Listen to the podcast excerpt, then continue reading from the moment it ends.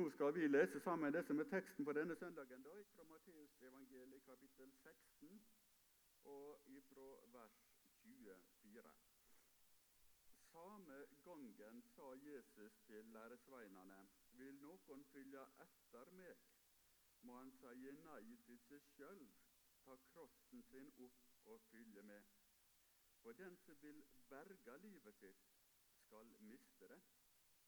Men den som mister livet sitt for mi skyld, skal finne det. Hva gagner det et menneske om det vinner heile verda, men taper si sjel? Eller hva kan et menneske gi til vederlag for si sjel? For menneskesonen skal komme i herligdommen og Far sin sammen med englene sine og da skal han løne hver og en etter det han har gjort. Amen.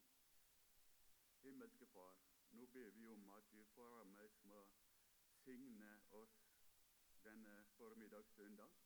Og ved din gode Hellige Ande så må du åpne opp ordet for oss og leie oss inn i Skriftene, slik at vi kan få se og lære og noe må bli åpenbara for oss. Amen. Vi las om krossen.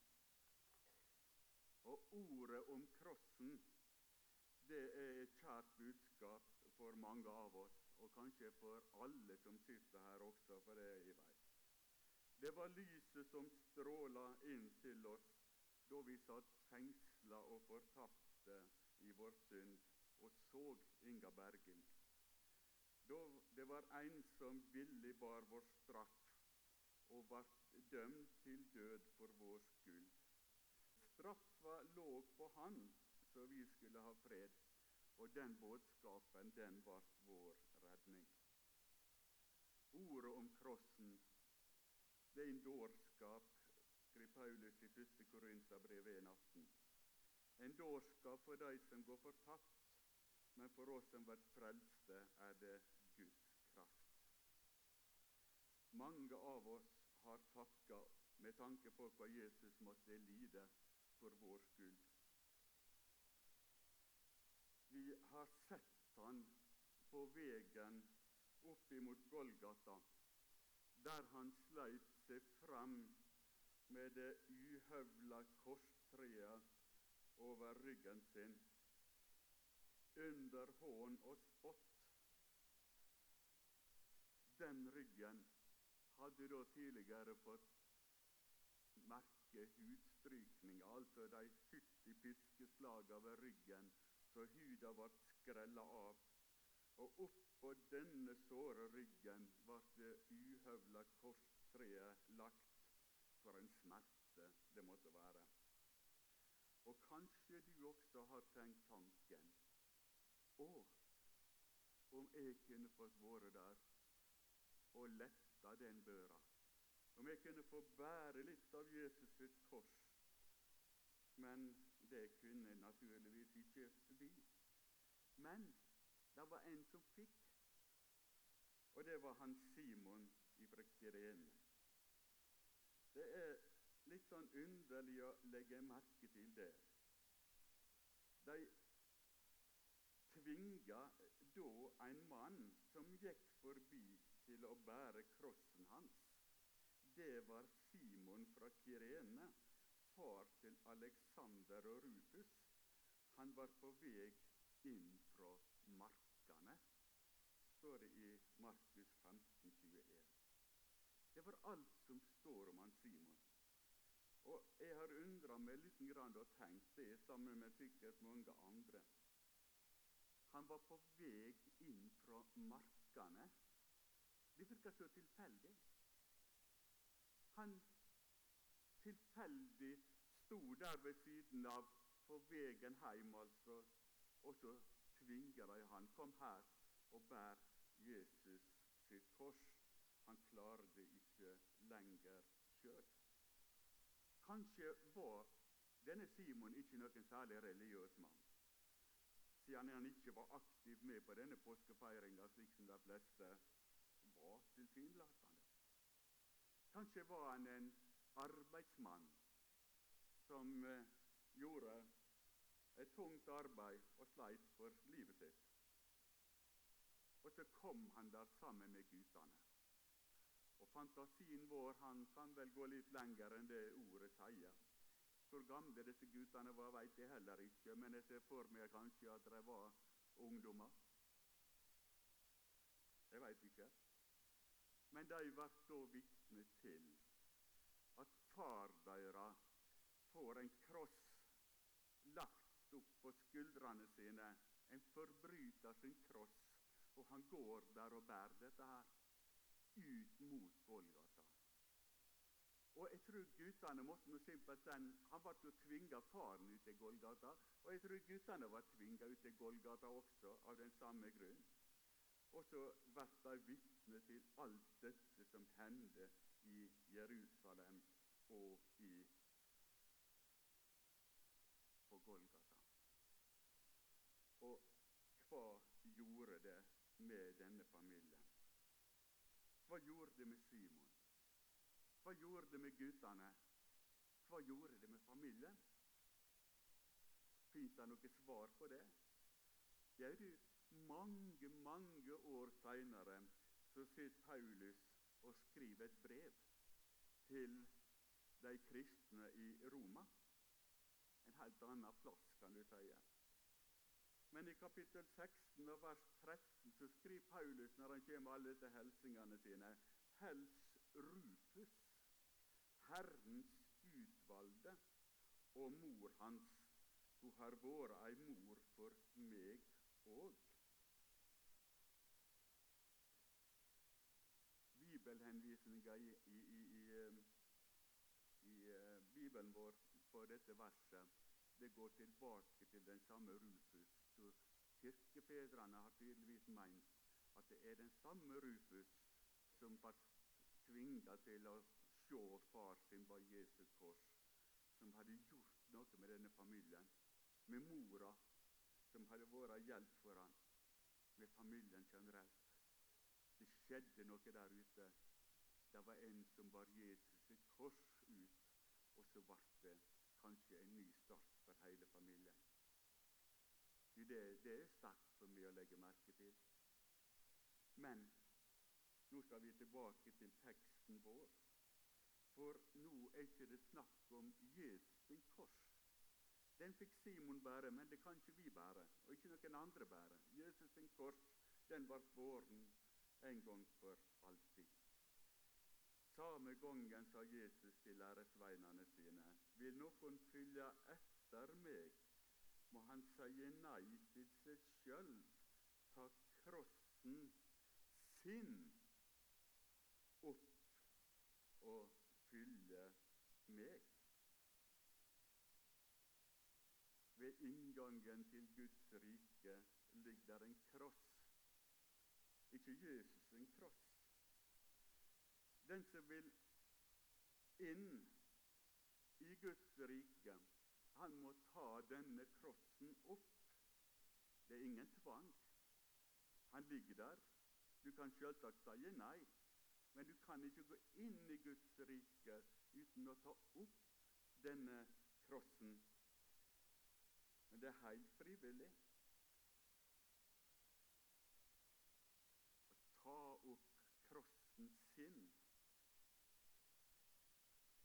Du, her er mange som sitter med kors rundt halsen i misjonssalen før. Og det tenker jeg på tilbake til min tidlige ungdom. Som ung og nyfrelst så skulle jeg i militæret. Og jeg var spent.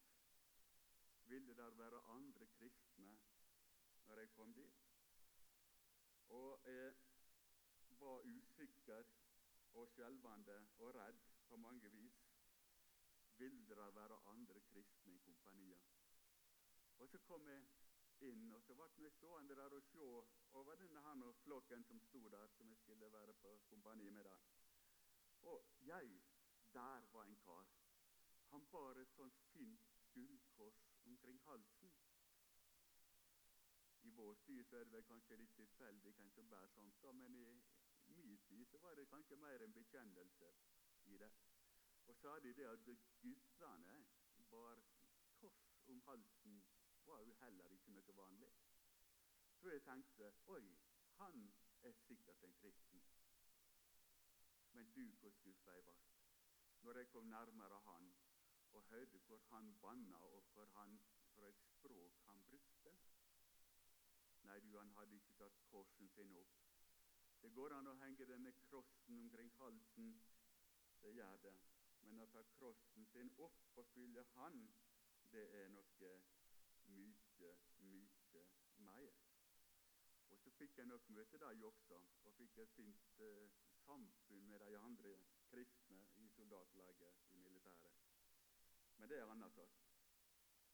Men du, det å ta krossen sin opp Jeg tror det er noe med dette her å bekjenne at jeg vil høre Jesus til. Og du, det var en bøyg når jeg ble omvendt og skulle hjem og fortelle til familien min og til kameratene mine, ikke minst, at nå har jeg blitt en kristen. Og det er mange som verger seg for den. Og mange av oss har kjent på mye svikt i den sammenhengen også. Men du, hvor godt det var for hans egen del å få lov til å heise flagg og gjøre det kjent. Jeg vil høre Kristus til.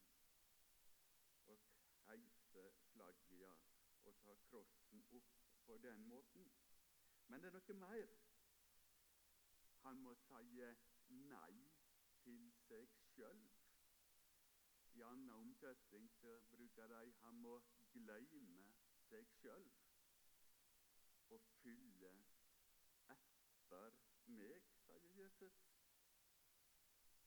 Jeg kjenner personer som er så distré at det er halve både natt. Jeg er nå grønsk, sier kona mi, men eh, jeg kjenner de som er mye verre enn meg, sånn sett. De glemmer både ett og hitt.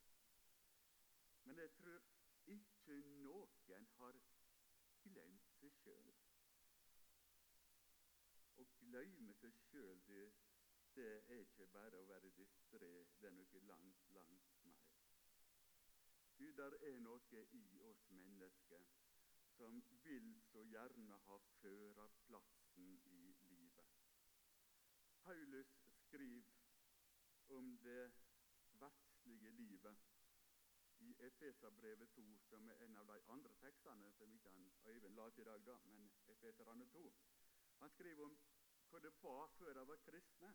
Vi fulgte lystne i vårt eget kjøtt og blod. Vi gjorde det vårt kjøtt og våre egne tanker ville. Det er det naturlige livet.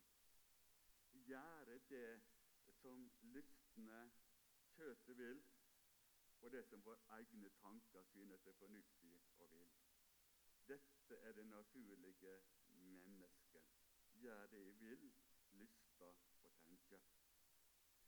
Den som vil følge Jesus, han må prioritere annerledes. Jesus skal ha plassen som konge i, og herre i livet. Og hans ord er det som er det avgjørende. Det naturlige mennesket vil aldri ha lyst til Guds ord, til bønn og Bibel, til møte og gudstjeneste. Det naturlige mennesket liker ikke dette her. Det vil ikke gjøre Guds vilje. Men som Jesu etterfølgere må vi ta krossen vår opp, sie nei til oss sjølve. Disse ordene som er talt her, er jo i fortsettelsen av at Jesus begynte å fortelle læresveinene sine at nå skal de opp til Jerusalem, og nå skal de lide og dø. Og Peter til han til side og sier, 'Herre, det må aldri hende det.' Og Jesus ser på han og sier disse fæle ordene til han Peter. 'Vik bak meg, Satan, du har ikke sans for det som hører Gud til, bare for det som mennesket vil. I denne naturlige tankegangen av Peter Han så for seg ei lys framtid. Og Jesus han kommer mørke, liding, død. I den naturlige tankegangen vår, det må vi se vekk ifra. Han må ta krossen sin opp og fylle etter Jesus. Vi skal ikke Det er så lett for det at vi som kristne vi vil vise Jesus hva det, vi, skal, vi skal ha det. Kom, Jesus, og følg med, så skal vi få det til. Nei, sa Jesus. Jeg skal ikke gå bak det. Jeg skal gå foran det. Og du skal fylle etter meg. Øyvind late fra Josva 24, der Josva etter et langt liv stender til avskjedstale med folket. Han minner folket om alt han hadde gjort for dem. Minner om hvor sandru Gud hadde vært. Alt han hadde sagt, hadde han oppfylt. At han aldri hadde svikta, han hadde vært trufast. Så ha nå age for Herren og tjen Han i sanning og med truskap. Skil dykk av med gudane fedrene lykker dyrka på hi side av elva i Egypt, og tjen Herren. Tenk annerledes, vær annerledes enn disse der borte på andre sida som dere hadde vært sammen med. Tankegangen hadde smitta over på dem. De hadde gifta seg med døtrene deres og fått det inn nært. Så vel i dag hvem de vil tjene, var sagt til dem. Smitta våre omgivelser. Er ikke det det vi også har vært? Lever i ei anna tid. Men hedensk tankegang strøymer inn over oss. Vi kjenner det alle. Vel i dag hvem du vil tjene, sier Jesus. Ta krossen din opp og fyll etter meg. Så blir det spørsmål til oss. Du, kan eh, du gjøre det da søndag om 14 dager? Eller kan du gjøre det da og da? Og så får vi så mange sånne svar. Og jeg svarer sånn sjøl. Det er det verste, ikke sant? Kjenner meg så godt igjen. Ja, hvis jeg er her. Ja, dersom jeg ikke finner på at jeg skal reise på hytta den helga. Ja. Og så spørs det hva er det vi setter først? Er ikke det så lett å sette egoet, meg sjøl, der fram, og så Jesus bak, hvis det passer. Vel i dag hvem det vil tjene. Og så spør vi oss sjøl hva er først i livet vårt? Vi klager så ofte over at eh, vi er så åndsfattige i vår tid. Her er så lite av den glød og alt dette som vi møter i apostelgjerningene der framme. ikke sant, I det første kapitlet. De første kristne som gikk ut fra seier til seier, liksom. Og så var det et vers som stansa meg her på noen tider, i apostelgjerningene 5. Der blir apostlene fengsla fordi at eh, de forkynte så frimodig om Jesus. Og så sto de og kasta dem i fengsel. Sette vakt på dem. Om natta kom en engel og fria dem ut. Men budskapet som engelen sa, gå og nå i morgen tidlig så går dere til tempelplassen og lærer folket om dette her. Ut. Så kommer disse her nå øvrigheter da, veit du, og skulle ha dem fram på rådet og ta dem. Til fengsel og hente dem. Nei. Jeg kommer tilbake og forteller det. Nei, dørene var låst, og vaktene var der. og Nei. De kristne? Nei, de var ikke der. Og i samme stund så kommer det noen inn der og forteller. Du, disse du fengsla i går, De står på tempelplassen og lærer om Gud. Og så er det at Peter da tar til orde når de dreiv nå de fram for rådet der, da. Og så Så tok de apostlene med seg og spilte dem fram for rådet, og østepresten tok til å spørre dem ut. Forbeid vi dere ikke strengt å undervise om dette navnet? Og nå har det fylt hele Jerusalem med dere og vil legge skylda for blodet til denne mannen over på oss. Men Peter og apostlene svarer, en skal lyde Gud mer enn menneske. Våre fedres Gud reiste opp Jesus, han som det hengte opp på et tre og drap. Han har Gud lyst opp og sett ved si høyre hand som første og frelser, for at han kan gi Israel omvending og tilgivning for syndene. Og alt dette kan vi vitne. Og alt dette eh, kan vi vitne. Vi og Den hellige Ande som Gud har gjeve dei som lyder Han. Legg du merke til det? Vi kan vitne. Og Den hellige Ande som Gud har gjeve dei som lyder Han. Det er så mye spørsmål om at vi skal få Den hellige Ande ved teknikker og styre selv, eh, stemning og alt dette her. Noe men så er det så konkret. Den hellige Ande blir gitt Han er gitt til de som lyder Han, som er lydige. Det er underlig, dette her. Åndsfylde, det. betinger av lydighet.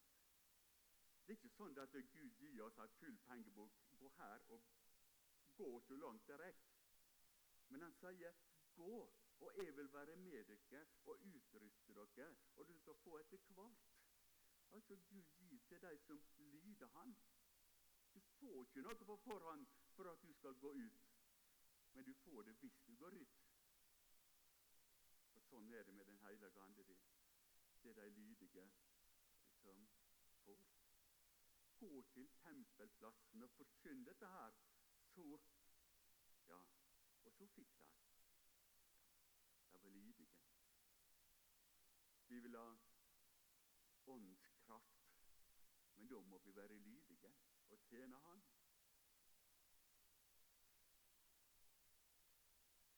For den som vil berge livet sitt, skal miste det. Men den som mister livet sitt for min skyld, skal finne det. Vi tenker så ofte det at det å berge livet, det er liksom å være forsiktig. Eh, har noen forestillinger om dette her nå, at vi skal ikke miste ære, og vi skal ikke miste ditt, og vi skal ikke miste datt. Men den som vil miste livet, tør seg ut hoven av og til. Han skal få oppleve at han finner livet. Han finner livet der.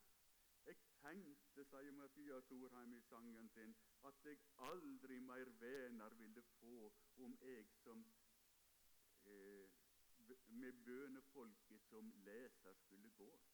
Men hvor jeg kjem i verda og vandrer ut og inn, eg vener finn som aldri før, for nå er Jesus min. Altså, han fant noe. Og sånn er det i Guds rike også. Men vi må ta krossen vår opp og gå, og så skal du få og ikke bare her.